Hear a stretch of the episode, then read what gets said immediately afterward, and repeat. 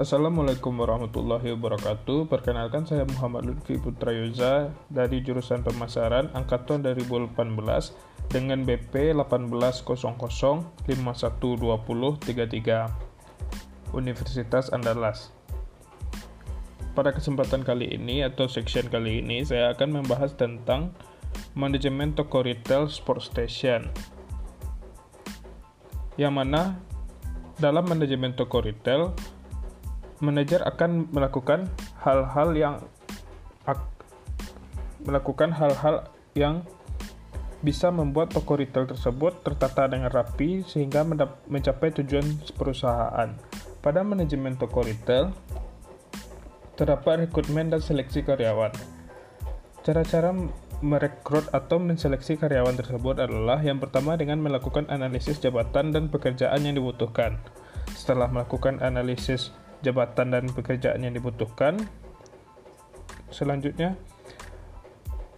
per, per, perusahaan retail akan mengeluarkan sebuah job description yang dibutuhkan atau syarat-syarat ter, tertentu yang, di, yang diinginkan oleh sebuah perusahaan dalam mencari karyawan di toko retail tersebut. Yang ketiga, mencari calon karyawan yang potensial, yang mana potensial berarti yang memungkinkan atau mem memiliki potensi atau keterampilan atau soft skill tertentu yang bisa bekerja untuk perusahaan. Yang keempat, screening pelamar untuk wawancara. Yang dibutuhkan pada screening pelamar untuk wawancara adalah formulir lamaran, referensi dan cek online atau testing, memberikan gambaran tentang dunia pekerja retail. Yang kelima, setelah semua fix atau semua yang dibutuhkan telah didapatkan, Selanjutnya perusahaan man, manajer akan memilih pelamar pekerjaan yang mana persiapan yang mana akan dilakukannya tahap wawancara sebagai tahap akhir. Apakah karyawan yang dibutuh karyawan yang ditentukan tersebut dapat melakukan komunikasi yang baik terhadap perusahaan tersebut. Selanjutnya ada sosialisasi dan training karyawan. Yang mana pada program orientasi karyawan akan diberikan pengarahan atau penjelasan tentang gambaran umum gambaran umum tentang apa itu retail tersebut. Jika kita ambil di sini contoh sebagai toko sport station apa maka karyawan yang yang baru tersebut akan diberitahu atau diorientasi tentang tentang merek-merek yang disediakan pada retail sport station.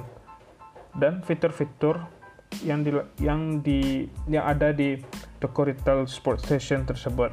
Entah itu fitur POP dan fitur yang lain-lainnya. Yang sel selanjutnya pelatihan toko karyawan. Program yang mana terbagi terbagi dua yaitu yang pertama program keahlian terstruktur yaitu memberikan ilmu yang terkait dengan manajemen retail.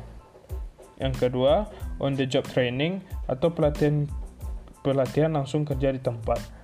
Yang mana pelatihannya merupakan langsung bagaimana eksekusi di toko retail sport station tersebut.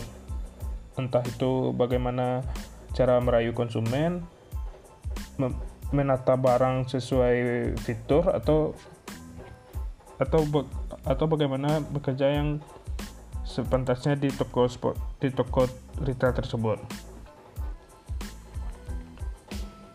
Selanjutnya masuk kepada tahap mengelola dan memotivasi karyawan. Kepemimpinan adalah proses di mana satu orang berusaha untuk mempengaruhi orang yang lain untuk mencapai beberapa saran atau tujuan. Yang mana di sini manajer sangat berperan penting dalam hal kepemimpinan karena manajer yang memberikan arahan terhadap karyawan agar perusahaan agar tujuan tujuan perusahaan dapat tercapai dengan baik. Yang kedua ada mem memotivasi karyawan, yang ketiga menetapkan tujuan atau kota bisnis retail, yang keempat mempertahankan moral karyawan, yang kelima hati-hati terhadap berbahayanya seksual harassment. Selanjutnya kita masuk kepada bagian kompensasi dan reward untuk karyawan. Yang pertama ada reward extrinsic. Reward extrinsic adalah reward yang diberikan oleh baik reward yang diberikan oleh manajer toko atau perusahaan kepada karyawan seperti kompensasi, promosi, atau pengakuan. Yang mana biasanya reward extrinsic ini didapatkan setelah bekerja cukup lama dan mendapatkan pengakuan atau penaikan jabatan oleh oleh perusahaan. Yang kedua, reward intrinsic. Reward intrinsic sendiri adalah reward yang dirasakan secara personal oleh karyawan dari keberhasilan menyelesaikan pekerjaan mereka dengan baik. Misalnya, penjual penjual sering ingin menjual karena mereka itu menentang me, menantang dan menyenangkan. Kontes penjualan seperti job encouragement atau pemberian wewenang yang lebih. Yang ketiga ada kompensasi seperti gaji pokok, insentif, komisi, bonus, dan kuota yang didapatkan setiap bulannya atau sesuai ketentuan.